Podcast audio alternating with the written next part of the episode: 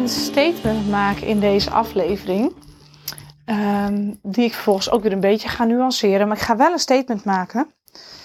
Vanuit het stukje vlees en dierlijke eiwitten. Want er is natuurlijk een hele grote beweging uh, vegan. En ik vind het zelf een hele mooie beweging ook overigens.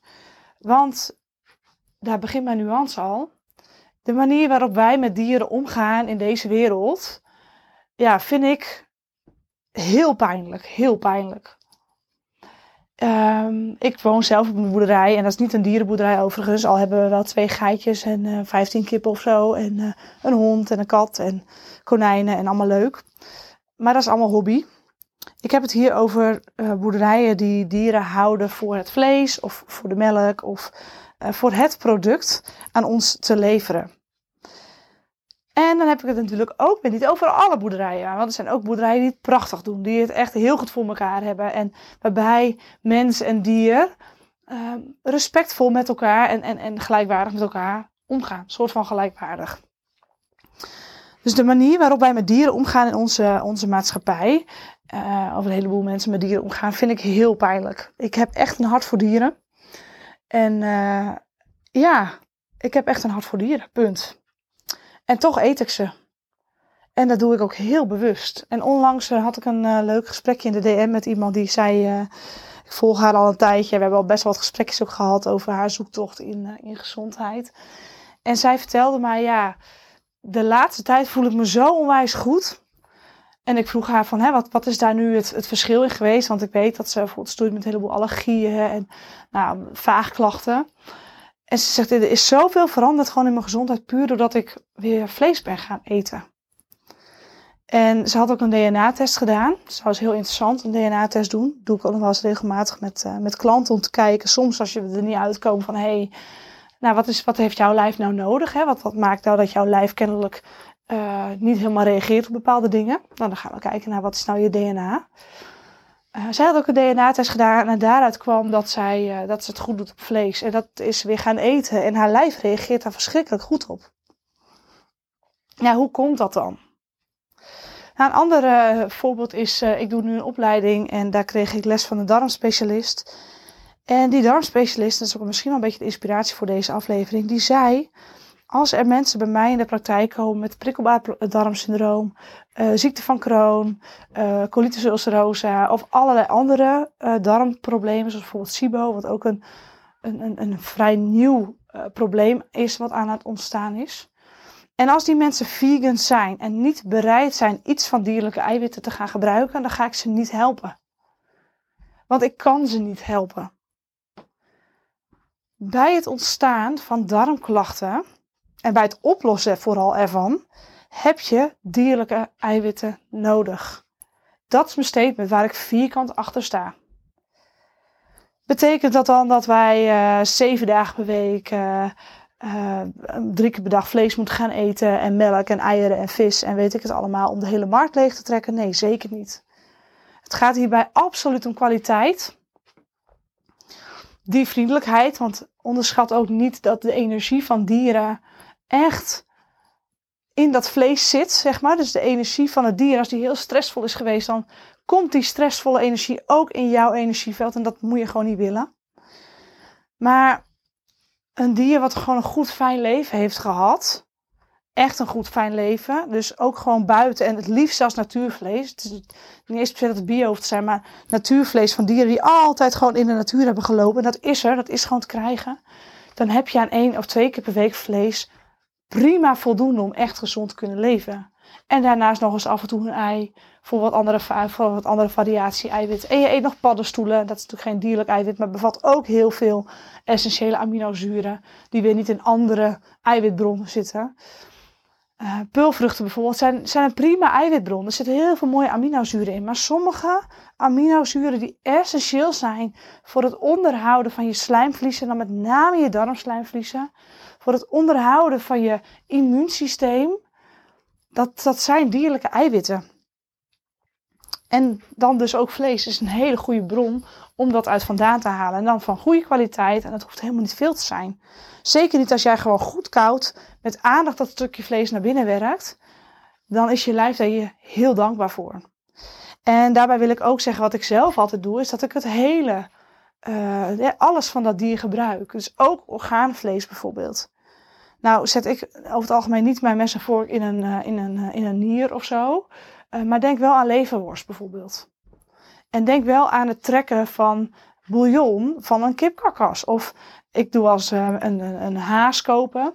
En dan neem ik alles mee. Dus ook de poten, de hazenrug, maar ook het karkas. En daar trek ik dan weer bouillon van. Alles. Daar kun je heel lang op teren. Zelfs met een gezin met een stel kinderen kun je daar heel lang op doen. Dus alles van dat dier is essentieel. De melkindustrie ben ik geen fan van overigens.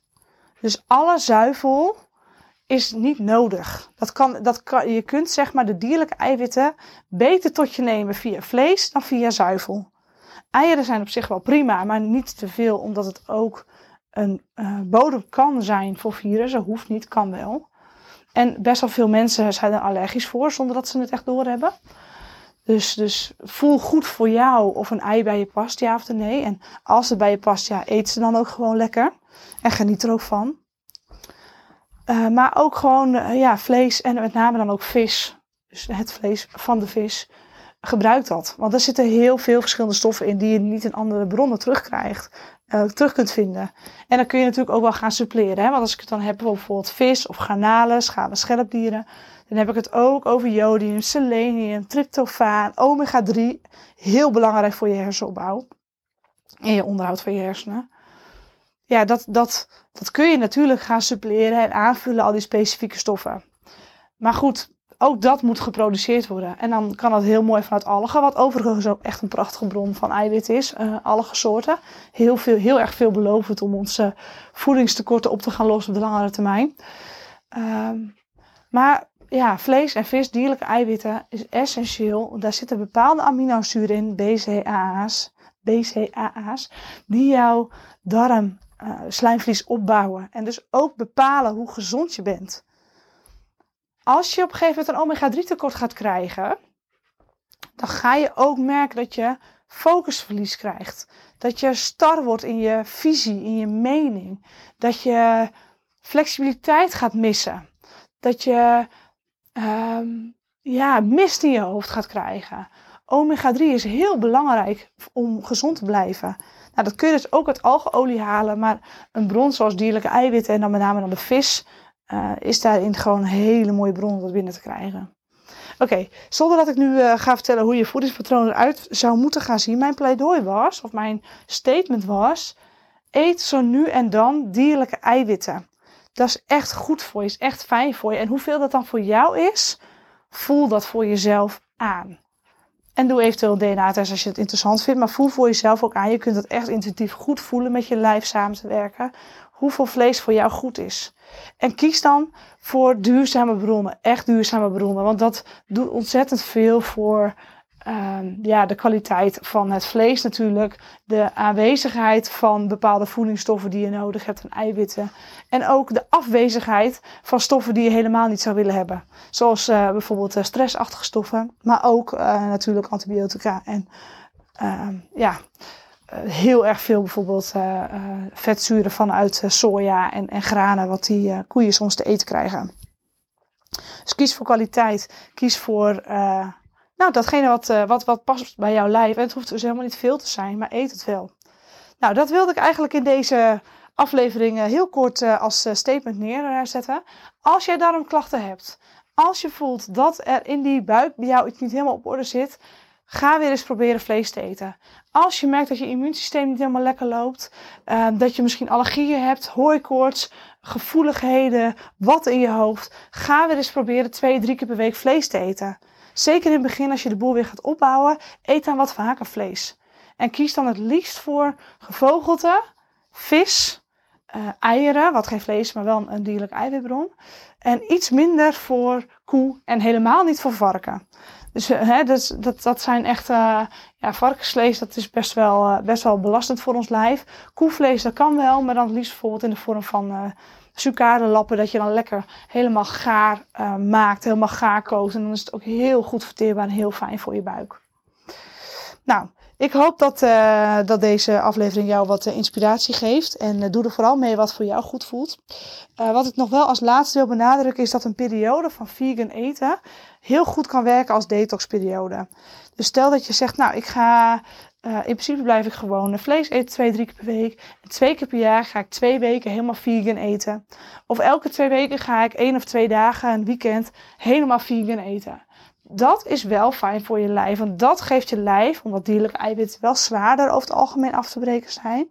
Dat geeft je lijf de ruimte om uh, even op te ruimen, een grote schoonmaak te houden. Dus dat kun je zeker en heel gerust doen. En ja, dat juich ik ook alleen maar toe. Uh, maar goed, daaromheen dus zorg dan wel voor een kleine basis aan dierlijke eiwitten. Zodat jouw darmgezondheid ook optimaal blijft.